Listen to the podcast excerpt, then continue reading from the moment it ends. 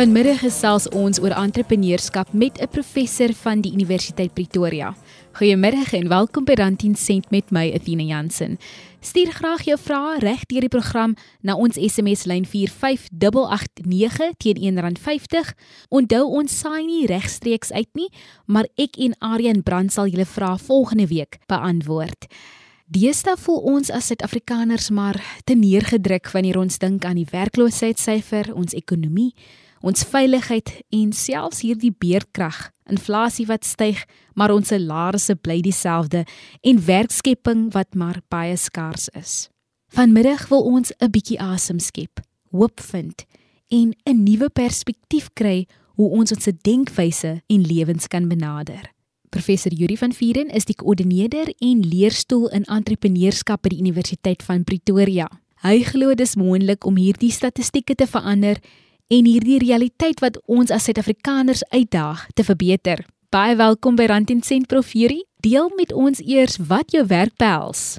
Tina baie dankie vir die voorreg. Dit is 'n geleentheid om altyd die ek dink die regte boodskap oor te dra. Dit is die boodskap waaroor ek baie passievol is en dis entrepreneurskap. Ek is nou al 'n paar jare as ek besig met entrepreneurskap navorsing, sekerlik so plus minus 30 jaar. Ek het so 'n paar besighede in my lewe ook begin daarvan van hulle was drie suksesvol. Een was nie suksesvol nie, so ek verstaan. En ek dink dat as ons in Suid-Afrika kyk op hierdie stadium, is daar 'n paar baie belangrike aspekte wat ons van entrepreneurskap moet verstaan.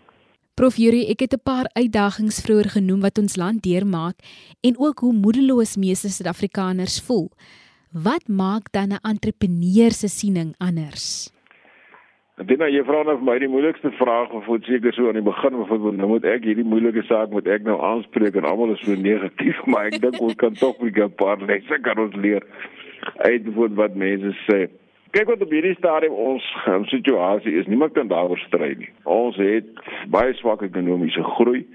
Ons mense is negatief, ons mense kry swaar Ek dink een van die groot irritasies is die feit dat ons nie energie of groot energie kwessies het soos byvoorbeeld ons elektrisiteitssituasie, ons werkloosheid is baie hoog. Ons jeugwerkloosheid is 61%. Dit is werklik waarop die stadium nie eintlik 'n omgewing waarin ons kom ons sê dit bevorderlik is vir klein sake nie en dan nie vir entrepreneurs nie. Maar ek dink tog ek moet hierdie agtergrond moet ek skets want ek dink dat nog steeds na al die jare wat is daar wanbegrip raak in dit. En dit is wat is entrepreneurskap werklik? Wanneer praat ons daaroor? Dit is eintlik 'n baie kort beskrywingkie. Ek wil nie klink soos 'n dosent of akademikus wat sê maar hier's 'n definisie en voldoen aan die definisie nie, maar ek probeer vir jou sê dis 'n kort beskrywing. En dit is vir mense wat entrepreneurs is begin besighede en hulle groei besighede. En hulle doen dit net om een rede en dis om geld te maak. In ander woorde, jy doen dit om 'n wins te maak op 'n volhoudende basis. Nou, dit dink ek moet ons as agtergrond sien. Ons klein sake bemagtigingsomgewing op die stadium is nie goed nie. Die professionaliteit van ons openbare bestuurders wat dit veronderstel is om te doen, speel nie uh, behoorlike rol nie. Maar kyk, ongeag hierdie situasie is daar nog steeds mense wat geleenthede sien en mense wat besighede begin. Nou, hoe werk die tipiese entrepreneur se kop? En ek dink die luisteraar kan daai kan begin aflei dat ek beskryf nie hier 'n persoon wat hier geskape is met sulke wonderlike vaardighede dat hulle net enig in sy soort en hulle is die sogenaamde gelukkiges bevoorbeeld wat uitget kies is. Dit is 'n sekere gedragspatroon. Nou, hierdie mense werk en hulle beskou die wêreld dis amper 'n meganiese proses en dis wat die luisteraar kan leer hier uit. Hulle kyk na die omgewing en die agtergrond van die ding is die volgende. Ons sit met 'n situasie waar hulle vorm vir hulle self sekere houdings. Ek en jy doen dit ook elke dag. Ons kyk na iets, ons kry inligting. Hierdie inligting verbind aan ons emosies en dit is verbind aan ons gedrag. So sien jy iets heeltyd negatief, dan het jy negatiewe emosies en jy het negatiewe gedrag. Nou ek dink 80 of 90% van die Suid-Afrikaanse bevolking se houding is op hierdie stadium negatief. Maar goed, as jy so negatief is, gaan jy nie geleenthede raak sien nie. So wat doen die entrepreneurs? Hier is nou wat van hulle kant af hulle onderskei van ander mense. Hulle kyk ook na hierdie omgewing. En hy scan so hierdie omgewing en hy sê vir homself, "Wie jy wat, hierso is 90% van die goed is negatief." Maar wie wat net hier en hier en hier en hier in hierdie prentjie voor my is daar positiewe ding. Dis hoe 'n houding werk. Enige houding werk so. Dit na jou houding werk so en myne werk so. En sê dit nou kry ons die positiewe daar uit. En hulle kry vir hulle self 'n positiewe hoeveelheid inligting in. So hulle emosie begin ook meer positief wees en gevolglik begin hulle gedrag meer positief wees. So met hulle op ander woorde sit en hulle sê vir hulle self ek maak hierdie skuif gebaseer op die inligting wat ek het van 'n negatiewe houding na 'n positiewe houding. So wat ek vir die luisteraars sê is gaan kyk in jou omgewing waar jy is. Dit maak nie saak waar jy bly nie. Of jy jouself nou bevind bevoor in die platteland, of jy bevind jouself bevoor in 'n township of in 'n stedelike gebied, dit maak nie saak nie. As jy na die omgewing kyk, is daar 'n klomp negatiefs, maar daar's 'n positiewe ook. Haal daai positiewe uit en begin jouself bemagtig met die positiewe wat jy kan sien. Dit gaan oorsit outomaties in 'n spesifieke emosie. Die gedrag wat hulle dan toon is om geleenthede raak te sien. Jy luister na Rand en Sent met my Athena Jansen. Ons gesels met professor Yuri van Vieren oor entrepreneurskap. Hoe kry ons die gewone mens om 'n entrepreneur te word? Die eenvoudige antwoord is dat hulle moet vaardighede hê. Ek het seker omtrent 'n hele dag 'n program maak oor die vaardighede en hoe die vaardighede moet lyk. Maar ek gaan in kort vir jou sê. Die eenvoudige is dit. Jy kan nie hierdie loopbaan. Dit is 'n ding wat mense moet besef. Entrepreneurskap, kom ons sê net maar iemand wat kies om 'n entrepreneur te word. Ek sê dit altyd so verskoon nou die Engels voor, but it's not an event. But it's a career. Jy kies 'n sekere loopbaan. Nou daar's geen loopbaan wat jy gaan kies as jy nie daarvoor opgewasse is nie, bedoelende dat jy nie die vaardighede daarvoor het nie.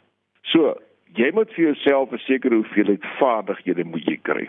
En daai vaardighede is vaardighede wat in vier stelle vaardighede hulle self uiteensit. Dis ek maar sê wat ons kan 'n lang gesprek hieroor hê, maar die kort van dit is die volgende. Ons moet vir onsself vaardighede kry om onsself voortdurend te kan motiveer. Om onsself opgewonde te kry. Dan moet jy vir jouself hoeveelheid, dis die volgende stel, hoeveelheid entrepreneursiese vaardighede kry. Dis goed soos kreatiwiteit, innovasie, die identifisering van geleenthede, hoe om lesse by rolmodelle te leer en hoe om risiko's en dit nou geweegde risiko's wel te kan neem.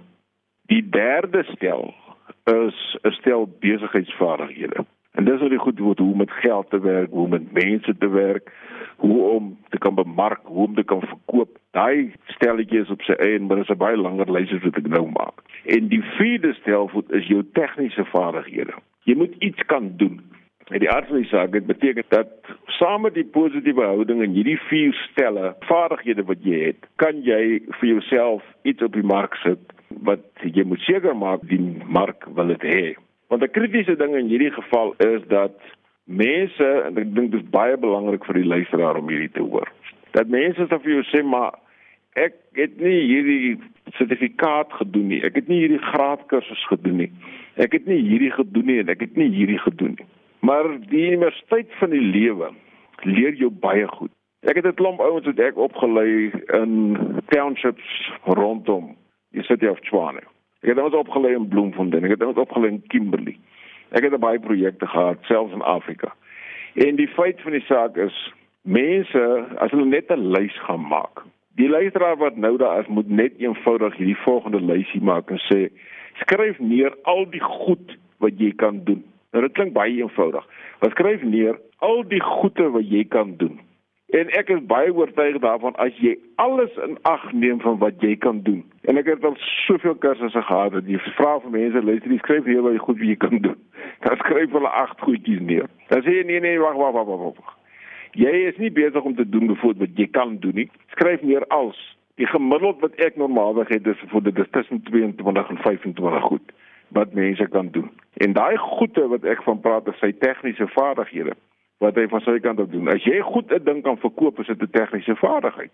Bro, jy is op hierdie stadium goed is jy, waar RSG aangestel en jy het 'n stel vaardighede jy kan op hierdie stadium pleeg jy 'n sekere tegniek terwyl ek en jy hierdie onderhoud voer en dis jou tegniese vaardigheid mhm, ja. wat jy kan uit die aard van die saak het operasionaliseer en jy kan dit aanbied aan die mark. Professor van Vieren verduidelik ook waar en hoe jy die vaardighede kan aanleer.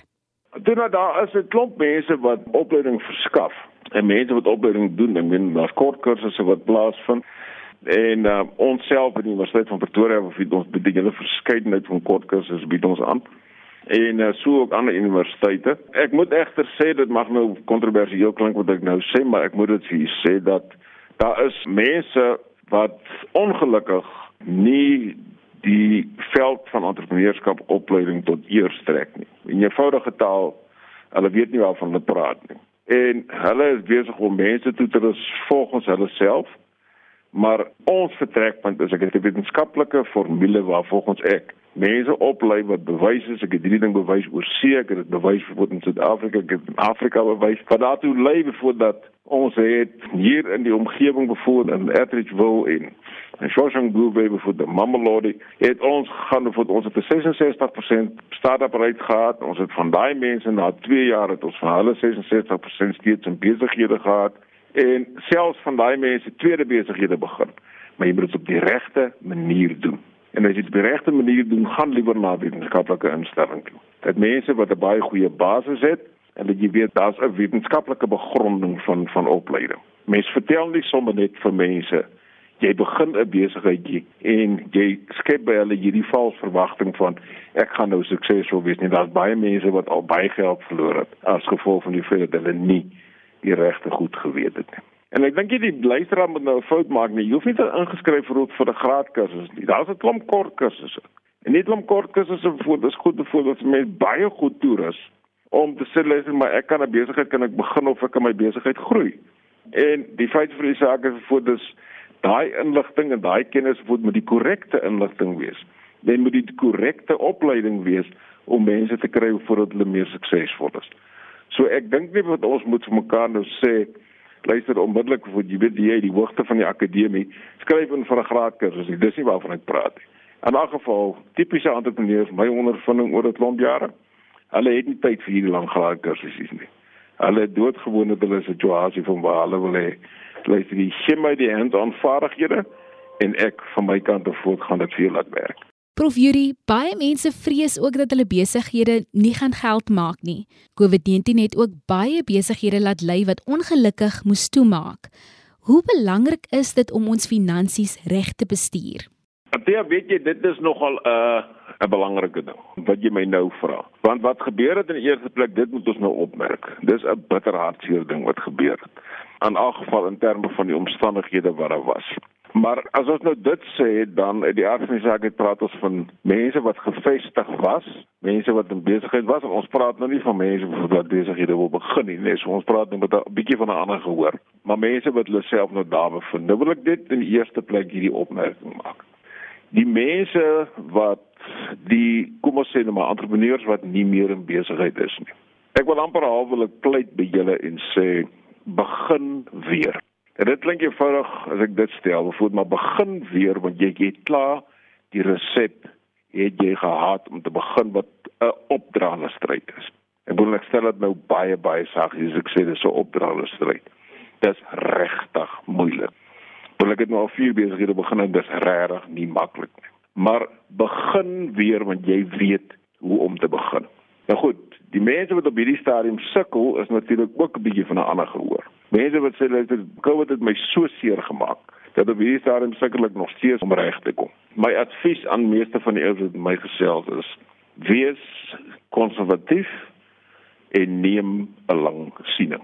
Jou siening met ander woorde om te sê dat die waar gaan ek wees as ek hierdie besigheid vir my dryf met al die energie en die moed wat ek het vir die volgende 3 jaar. Stel vir jou 'n doelwit vir 36 maande een van die kritiese goed maar bedoel vir 'n ervare entrepreneur hoef ek nie hierdie te vertel nie.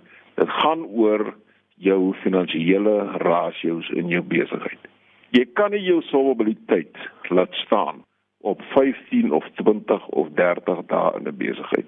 Die feit dat jy moet kan besig doen as jy vandag ophou verkoop en jy het nul inkomste, is jou besigheid veronderstel om tussen 3 maande en 5 maande ten minste nog steeds in besigheid te wees. Dit hou baie sterk verband voort met jou kontantrasio binne in jou besigheid. Die risiko is net te hoog.